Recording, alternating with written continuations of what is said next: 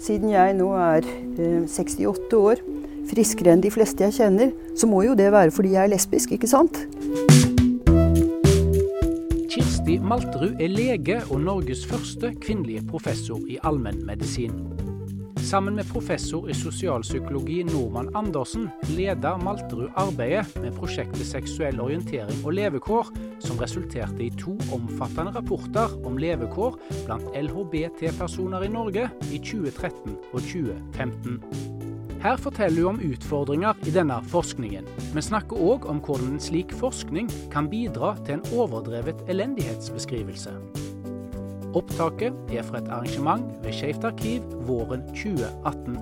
Mitt navn er Bjørn André Vidvei. Når vi først skal se historisk på det, så kan vi gå eh, La oss gå bare 30-40 år tilbake i tid. Og da var jo skeiv helseforskning Det var jo psykiaterne som eh, ville gjerne bidra til å vise at dette var en sykdom. Og de gjorde studier på psykiatriske sykehus. Og hva fant de? Jo, de fant uh, mennesker med psykiatrisk sykdom på de psykiatriske sykehusene. Og vips, så var forklaringsmodellen klar. Uh, homofili er en psykiatrisk sykdom, og sånn skal det være. Altså et fokus på forskningen som uh, var veldig, veldig skjevt. Og som vi i dag heldigvis har beveget oss langt unna. Men, men fortsatt er det mye som henger igjen på det, altså. Mm. Vi, skal, vi, skal, gå litt videre. Jeg skal bare ta så knipse mikrofonen din litt lenger opp her, for jeg tror den seger litt godt ja. ned. Ja. Så skal alle få høre deg enda bedre. Sånn. Det er bra. Det bra nå? Hvis vi går videre, kategorier og definisjoner her. Ja, det er jo også et dilemma i forskning. fordi at eh, hvem skal vi telle, og hvordan definerer vi det? Og hvis man spør da hvor mange lesbiske får brystkreft, så kan vi si hva er det å være lesbisk, da? Og det er lettere å si hva det er å ha brystkreft. Og eh, det er en skikkelig utfordring i forskningen, fordi la oss si for 20 år siden så hadde vi vel to kategorier utelukkende. Eller 30 år siden, da. Og den ene kategorien det var homofile, og den andre var heterofile. Og mer var det ikke. Og enkelt var det egentlig å, å si at dette var enten-eller. Og eh, riktignok ville man i studier ha vansker med å få sikre svar på at folk var lesbiske eller homofile. Altså at, at vi, vi, kunne ikke vite at de svarte sant på den typen spørsmål. Men allikevel det var en forestilling ganske utbredt om at dette var stabile størrelser. Var man homofil, så var man homofil. Dessuten så var det ikke noe som het lesbisk heller, sånn at det var også veldig enkelt. Alle, alle som ikke var heterofile, det, det, de, de, var i samme bøtte. Og øh, nå etter hvert så er utviklingen, syns jeg, heldigvis gått mot et veldig mye større mangfold. Mye større flytende åpenhet i hvem vi er, hva det heter, hva vi, skal, hva vi kan bruke det til, eh, hva det gir av eventuelle belastninger. Men til gjengjeld så er det jo ikke akkurat noe særlig lettere å forske på det. Særlig jo flere yngre som ikke vil kalle seg noe som helst. Og samtidig som samfunnet vi lever i, er jo fortsatt veldig opptatt av, og det er det mange gode grunner til, om det er ekstra helsebelastninger ved å være lesbisk, homofil eller bifil eller trans eller mange flere forkortelser på dette. Så det gir noen utfordringer. Og utfordringene, det, det tenker jeg, det, det, er egentlig bare bra at forskningen får brynt seg litt på dette, men samtidig så må forskerne klare å ha to eh, tanker i hodet samtidig. Sånn som da vi fikk dette oppdraget, hvor Barne-, ungdoms- og familiedirektoratet ba oss undersøke levekår blant lesbiske, homofile og bifile. Og da kan ikke vi komme og si at ja, hva er egentlig lesbiske, hva er egentlig bifile, osv. altså Man må ha to tanker i hodet på en gang. Det går veldig godt an å se dette som eh, dynamiske, flytende begreper, samtidig som vi forholder oss til at hverdagen for en ungdom på Hitra, det er å stå fram som homo eh, i mange situasjoner. Dvs. Si, vi må også forholde oss til hva, hvordan dette oppfattes sosialt av veldig mange i vårt samfunn. Mm. Og så kan vi tenke videre på mangfold og queer-teori og alle slike nyttige ting. Mm. Eh, når det gjelder denne, denne, helseforskningen, så kommer man òg inn på selvfølgelig da sykdommer, eh, utbredelse og fordeling. Eh, hva ting må man ta hensyn til når man ser på det? Ja, Det er jo et veldig interessant punkt. fordi at eh, Der har vi eh, utsagn av typen Én av tre homofile har prøvd å ta livet av seg. Eh, mange lesbiske får brystkreft. Og eh, noe av disse påstandene eh, de, de, er egentlig eh, utviklet på grunnlag av forskning hvor man kan si Hm, Det kan virke som det er veldig mange, i hvert fall tror jeg det. Og det er en svakhet ved mye av den tidligere forskningen. Eh, da Nordmann og jeg gikk gjennom dette, et oppdrag var også å se på den tidligere forskningen. Og nå ser jeg nordmannen er kommet, så han kommer sikkert til å protestere hvis jeg sier noe feil. Men veldig, den, den, mest alvorlige svakheten ved den tidligere forskningen som, som, skulle angi ja, hvor mye sykdom er det, hva slags sykdom er det, er de sykere, og hva, hva har de? Eller er det sånn som i USA hvor man bare sier at ja, det er mange flere feite blant lesbiske, det er mye mer alkohol blant lesbiske osv. osv. osv. Og så danner det seg som selvbekreftende myter. Og så har man enten undersøkte på veldig sviktende metodisk grunnlag, det skal jeg si litt om etterpå, mm. eller så bare syns man det ut fra hva man ser omkring seg, og så danner det seg forestillinger i miljøene som blir så sterke at de nesten kan bli selvbekreftende. Og Derfor så er det så avgjørende i denne typen forskning at vi eh, vet hvilket utvalg vi spør. At vi ikke går på en saunaklubb for å undersøke om det er vill sex blant homofile menn. Eller at vi går på en, en, eh, en forening for eh, strikkende gamle lesber for å finne ut om de er interessert i, klubb, i kultur og bøker. Altså det er noe med Går vi rett til et bestemt utvalg, og det mm. kan vi kort kalle selvrekrutterte utvalg, eller utvalg som det er noe veldig spesielt med, så vil vi selvfølgelig finne det som kjennetegner akkurat det miljøet som vi går til. Mm. Og det har jo vært gjort mange ganger. Når mange, man skal mange forske ganger. blant skeive, ja. så ligger det sånn spørreundersøkelse på nett som ja. er formidla via Geysir eller andre visst, aktører. Visst. Ja. Mm. Og, og, veldig mange undersøkelser både i Norge og internasjonalt har vært gjort med utgangspunkt i eh, medlemmer i foreninger. Ok, er det slik at alle lesbiske, homofile og bifile som er i foreningen, er make til de lesbiske, homofile og bifile som ikke er i foreningen? Kan, kunne det til og med tenkes at det var en viktig forskjell mellom disse, kanskje angående det vi undersøker? Det er ikke sikkert at det er så sterkt for mange av de viktige helsespørsmålene, men det betyr igjen at vi er litt i det der feltet. Det vet vi faktisk ikke. Hvis du da i et veldig skjevt utvalg, skeivt utvalg, eh, finner at øh, Oi, her var det altså 70% av et eller annet. Så vet vi ikke 70% av hvem.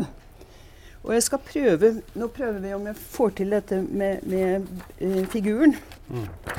I, i, I, forskning om fordeling og utbredelse av sykdom så er det ofte veldig lett, fordi sykdommen er veldefinert, befolkningsgruppen er veldefinert. Og så, man en, så skaffer man seg en studiegruppe som som regel skal sammensettes ut fra et tilfeldighetsutvalg eller et representativt utvalg. Og Skal jeg vise det til, til den det, ja. eller til de? Nei, til den. Ok. okay. Så ser de det. Ja. Altså, Dette er sånn som det er når alt er greit og enkelt. Da er det sånn at hvis vi eh, får et representativt utvalg, så representerer det resten av den befolkningen som vi vil overføre resultatene til. Og det vil si at det er ganske enkelt. Er det 10% her som har eh, kreft av en bestemt type, så kan vi med høy sannsynlighet si at da er det 10% i den store befolkningen som har kreft av denne typen. Men så kommer vi ut i mangfoldslandskapet, og da er denne typen spilleregler utrolig vanskelig å håndtere. Fordi hvis nå eh, den lyte lyseste, litt uklare feltet det er utvalget som vi har undersøkt. Vi har samlet noen lesbiske som var på pride f.eks. Og så spør vi dem om et eller annet. Hvor mye de drikker, kanskje. Og så uh, finner vi at uh, det var jo en varm dag, og det var festlig. Og mange av dem drakk ganske mye, i hvert fall den dagen. La oss si at, uh, at 40% av dem hadde tatt minst én pils. Og så er spørsmålet da ja, hva kan vi bruke det resultatet til? Hvis 40% av dette utvalget har drukket alkohol den dagen, betyr det da at alle lesbiske drikker eh, minst én pils hver dag eller den dagen? Eller eh, hvor går egentlig grensene? Er det, er det, de lesbiske i Bergen? Er det de lesbiske i, på Sri Lanka?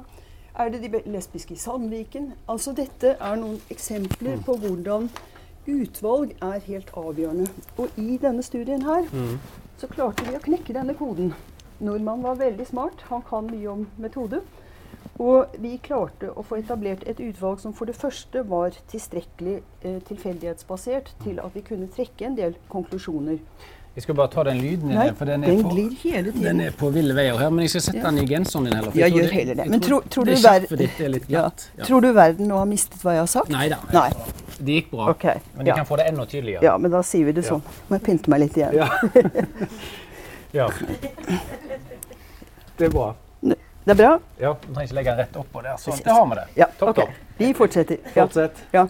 Nei, altså da klarte vi å få etablert eh, vi, skulle, vi, skulle, spørre eh, Vi skulle finne ut hvordan lesbiske, homofile og bifile hadde. Oppdraget var for øvrig ikke trans og inter og de andre forkortelsene, så det er derfor jeg holder meg til disse tre. Mm. Men vi, eh, vi måtte jo da finne ut hvem vi skulle spørre. Og vi klarte å finne jeg skal ikke gå i detaljer med det, men vi klarte å finne en metodikk der vi både fikk tilstrekkelig tilfeldighet i utvalget til at vi kunne gjøre forsvarlige overføringer. Og vi klarte også å få mange nok i hver av gruppene. Altså eh, lesbiske, homofile, bifile, eh, menn, kvinner. Til sammen seks grupper til at vi kunne sammenligne disse gruppene. Og det skal jeg komme tilbake til om et øyeblikk. Betydningen av det. Fordi at det er jo ikke sikkert at alt som gjelder for ikke-heteroseksuelle med helse og sykdom, er likt. Det er ikke sikkert at min helsesituasjon er lik din om du nå skulle være ikke-heterofil. Eh, det er ikke sikkert at det er det mest fellese for oss i, i, sykdom og helse. Så det er igjen noe med at jo større bøtten er, jo mer grovt blir det. Jo mer grunnlag er det for stereotypier som også kan bli selvbekreftende. Ja, for det har jo vært en sånn, på en måte en sånn vedtatt forutsetning at alle skeive er like. Ja, og det er det jo fortsatt mange som mener og tror. Og ja. jeg kjenner en, og han er frisør, han er så grei, og derfor så syns jeg at alle andre homofile også er frisører og greie. Det, det er jo ganske vanlige forestillinger. Mm. Eh, og eh, hvis man tenker at det er flere sider ved livet enn bare å være LHB, mm. eh, som kanskje kan ha vel så stor betydning for sykdom og helse, så blir det jo veldig merkelig å slå alt i en pott. Uh, og det er også veldig mye av utfordringen i de gamle studiene. Fordi, fordi, de fikk så få, så slo de dem sammen. Altså Selv der hvor de klarte å etablere representative utvalg, så var det liksom syv lesbiske, da. Mm. Som da skulle sammenlignes med 10 000 heterofile, eller whatever. Sånn at, at det uh, uh, Dermed så har man fått noen sånne gruppeutsagn om sykdom og helse og levekår som, som, ikke passer for mange. Mm. Mm. Du, hvis vi tar med, går over på forklaringsmodeller her på, som avslutning. Da er det altså slik at eh, igjen, hvis vi tenker at det utelukkende er seksuell orientering som bestemmer min helse, f.eks. At f.eks. siden jeg nå er eh, 68 år, friskere enn de fleste jeg kjenner, så må jo det være fordi jeg er lesbisk, ikke sant? Det er en måte å tenke om at seksuell orientering er den viktigste forklaringsvariabelen. Mm. Eller det kan være at en eller annen her i salen som har mer psykiske plager enn noen andre, at det er fordi den er lesbisk eller homofil eller bifil. Og uh, hvis man tenker på den måten, så blir det altfor smalt og endimensjonalt. Uh, et begrep som er kommet veldig inn på banen de senere årene, er interseksjonalitet. Og jeg skal ikke fordype meg i det, men jeg tipper at flere av de som sitter her, vet hva det betyr. Men kortversjonen av det, det er at hvis man vil undersøke belastninger og styrkeforhold i utsatte grupper, så må man se på mange flere ting enn det man kanskje tenker som den viktigste merkelappen ved denne gruppen. Og det kommer mer og mer inn i dette feltet. Man tar med etnisitet, man tar med økonomi, utdanning. Eh, veldig mange flere dimensjoner. Og det finnes gode statistiske metoder for å håndtere dette, slik at man eh, langt på vei kan si at nei, men det var jo ikke det som var det mest utslagsgivende. Veldig interessant kanadisk stor befolkningsundersøkelse hvor de også hadde med seksuell orientering. Og så i de første analyserundene så så det ut som det var en nokså gjennomgående og viktig faktor. Men så gjorde de flere analyser spesielt med interseksjonalitet, og så kom det ut at det var noen grupper som var mye mer utsatt enn andre. Eh, det var, og ikke bare blant homofile, men i befolkningen.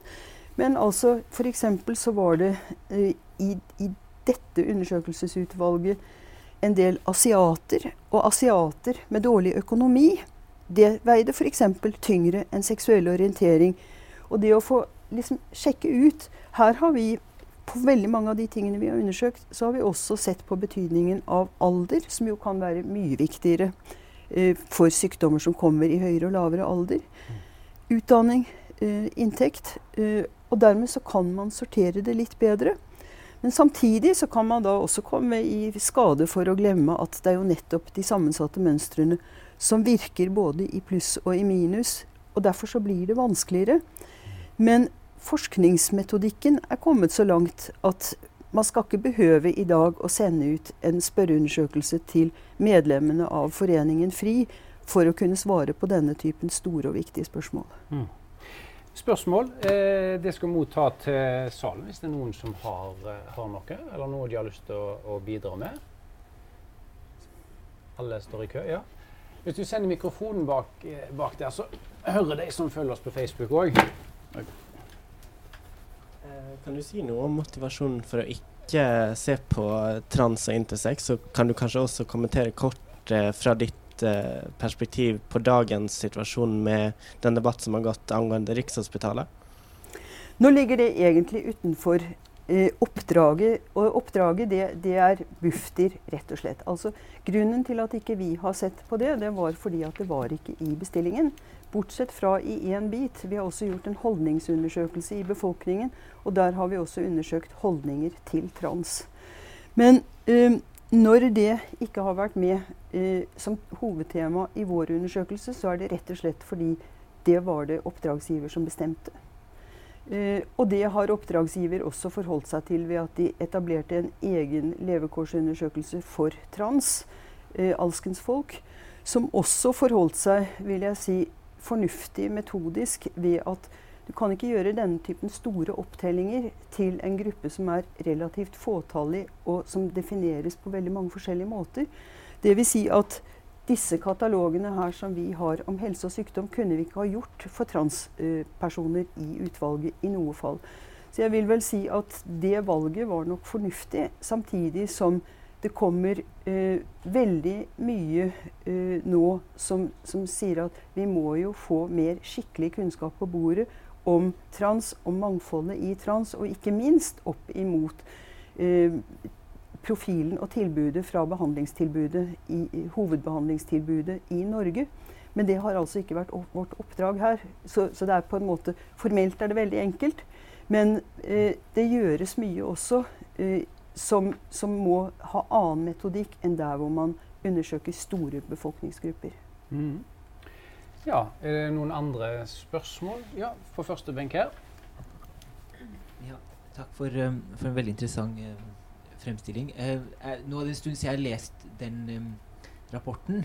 Men, men, jeg mener å huske på at noe av det dere konkluderte med, eller noen av de funnene dere løfta fram, handla om at utdanning f.eks. kan spille en rolle i hvorvidt du er utsatt for eh, diskriminering på arbeidsplassen, eller opp, eh, altså om du er, om du er lesbisk eller homofil eller bifil, så, så spiller det f.eks. en rolle. Altså, det, husker jeg helt feil da, eller er det, så dere noen slike tendenser?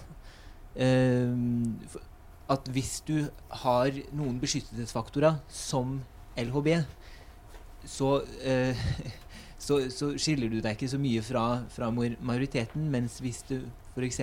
har noen sårbarheter, så, så, kan du nesten ha det være dårligere stilt. Jeg, jeg, jeg, det, det, skimrer litt sånn i, i mitt hode, men, men, jeg vet ikke helt uh... La meg først prøve å svare logisk før jeg går til rapporten. Og så vil jeg si at det er klart jo flere beskyttelsesfaktorer du har med deg, enten det er personlig eller på gruppenivå, jo mer rustet er du i harde og ubehagelige miljøer. I denne hovedrapporten så fant vi uh, si, litt overraskende at det var veldig mye mindre enn vi hadde trodd av diskriminering, forskjellsbehandling på arbeidsplassen. Også mindre av vold og trusler om vold. Uh, men der vi fant at, at det var uh, rapportert forskjellsbehandling, det var spesielt mot homofile menn, og det var i skole og universitet. Og jeg kan ikke huske, men det husker kanskje du, nordmann, om, eh, om demografiske forhold var av betydning for det, eller om vi gjorde analyse på det. Jeg husker ikke. Det var ikke så systematisk som eh, det du kanskje husker. Så det vi valgte som strategi, det var å eh, Hver gang vi regnet på sammenligninger, så kontrollerte vi sånn statistisk helt automatisk for utdanningslengde. da. Men det er riktig som Kirsti sier, at det mest påfallende det var akkurat det med homofile menn i en utdanningssituasjon. Mm. Og det er ille. Men samtidig så var Og veldig mye av våre funn i, i disse rapportene har noe dobbelt ved seg. fordi så finner vi noe som er dårlig. Og det finner vi jo selvfølgelig. Og vi finner spesielt en del om psykisk helse, som jeg ikke har sagt noe om nå, som vi vil arbeide videre med. Men samtidig så er jo hovedfunnene er jo at for de fleste går det veldig bra. Og det snakkes det altfor lite om. Og det går godt an å snakke om det uten at man dermed bagatelliserer der hvor det er store og alvorlige problemer. Men til gjengjeld så bør man jo da vite nok til å kunne rette innsatsen mest tydelig inn mot de gruppene der problemene er størst, og ikke strø det tynt utover alle gruppene. Og ett hovedfunn eh, som var helt gjennomgående, det er at den gruppen som er aller mest utsatt av de vi har sett på, det er bifile kvinner. Og ok, da er det en god del ting som, som myter som faller bort. Vi gjorde en spesiell analyse av røyking, fordi store undersøkelser har vist at det er mye mer daglig røyking blant ikke-heterofile. Og når vi eh, analyserer dette materialet, så finner vi også det. Og så gjør vi flere ledd av analyse, og så finner vi at den eneste gruppen av ikke-heterofile i vårt utvalg som har en høyere grad av dagligrøyking enn heterofile, det er bifile kvinner. Mm. Sånn at det, det, det, altså, uh, det, er ikke bra. Men det er ikke nødvendig av den grunn at vi alle tar et solidarisk ansvar for, en, for å være en gruppe der det er for mye røyking. Det er ikke sikkert at vi behøver. altså da er det bedre å, å, samle kreftene om røykforebygging i grupper som er mest utsatt. Ja, et, et siste spørsmål framme her. Hvis vi kan få mikrofonen, så har vi den. Eller var egentlig en, en, kommentar, for jeg syns det var så utrolig interessant det som ble, ble sagt her. Jeg var eh, leder i Skeiv Ungdom fra 2011 til 2013. Og da følte jeg meg litt sånn fanget i dette, det, dette, forskningsproblemet, holdt jeg på å si. Fordi på den ene siden så var jeg uhyre opptatt av at vi som organisasjon eh, ikke skulle bidra til å reprodusere fordommer og skremme folk til å være inne i skapet og ikke å tørre å komme ut med å formidle mye av den eh, ganske dystre forskningen som har vært om, om vår gruppe. Eh, samtidig så følte jeg meg litt sånn fanget i et nett hvor det aller meste vi hadde av inntekter, eh, det var prosjektmidler som veldig tett knyttet opp mot disse problembeskrivelsene fra nettopp forskningen. Hvor jeg da eh, satt eh, sant, den ene dagen eh, sant, Prøvde å bidra i noen noe taler og utadrettet virksomhet om, om at eh, det er heldigvis mye bedre å leve som skeiv for stort sett de fleste av oss nå om dagen. Og dagen etterpå sitter og skriver en søknad hvor jeg nettopp bruker den forskningen til å sørge for at organisasjonen formidler til å jobbe videre. Da. Og så tenker jeg også på det at da, da bidro vi også til å på en måte befeste dette inntrykket hos saksbehandlerne, hos disse samme myndighetene. Og sånn føler jeg at vi har liksom blitt fanget i en spiral som det er litt vanskelig å komme ut av. Da. Og det er, eh, det er noe som vi kanskje burde adressere tydeligere og egentlig gå litt i diskusjon med myndighetene om. Nå er det jo sånn at mer og mer midler er nettopp knyttet til prosjektmidler og ikke eh, frie driftsmidler. og da eh, har det i hvert fall vært situasjonen sånn som jeg opplevde den, som, selv om det begynner å bli noen år siden. Eh, ja. Jeg er veldig glad for en så presis beskrivelse av et alvorlig problem, i hvert fall de siste ja, jeg tror jeg får si fra 80-tallet, så tror jeg at eh, mye problempenger har finansiert organisasjonene på en slik måte at organisasjonene har ikke vært så veldig begeistret for å ha to tanker i hodet på en gang, eller for å si at eh, det går veldig bra med de fleste.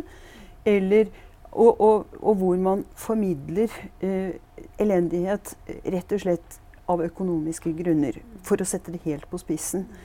Og jeg er også veldig glad for det du sier om å prøve å etablere en slags dialog på det. Eh, fordi myndighetene de, de er politisk det det er, konjunkturer for å, å putte penger inn i LHBT-problemer for tiden. Men det er, ikke, det er ikke konjunkturer i å putte eh, f.eks. sykdomsforebyggende tiltak, altså, eller i helsefremmende tiltak. Støtte opp om gode miljøer. Eh, noe som ikke er eh, klientbasert, egentlig, eller, eller problembasert. Og, og, jeg opplever nok også selv et, en ganske stor um, Igjen det der med to tanker i hodet på en gang. Ute blant folk så sier alle ja, men er ikke dette ferdig nå? Det er jo ikke noen problemer. Alle, alle, jeg kjenner mange, og jeg kjenner ingen som, som, som diskriminerer homofile. Og alt det der. Og så Samtidig så må jeg da opp med her, og så må jeg si at når det gjelder åpenhet, så er det i hvert fall ikke så enkelt. Vi er kommet langt, men vi er slett ikke kommet langt nok. Ja. Og så føler jeg at jeg må liksom dryppe inn en liten dose av problem for at ikke de skal frasi seg et kollektivt ansvar for å gjøre verden bedre. Så, så, det er noe her med å håndtere den balansen på en god måte. Og organisasjonene har, et, har hatt et veldig viktig ansvar, syns jeg, for eh, videreføring av en profil som jeg syns er for sterkt elendighetsfokusert. Du har hørt på podkasten Skeiv historie fra Skeivt arkiv ved Universitetet i Bergen. Husk å abonnere for å få med deg alle episodene.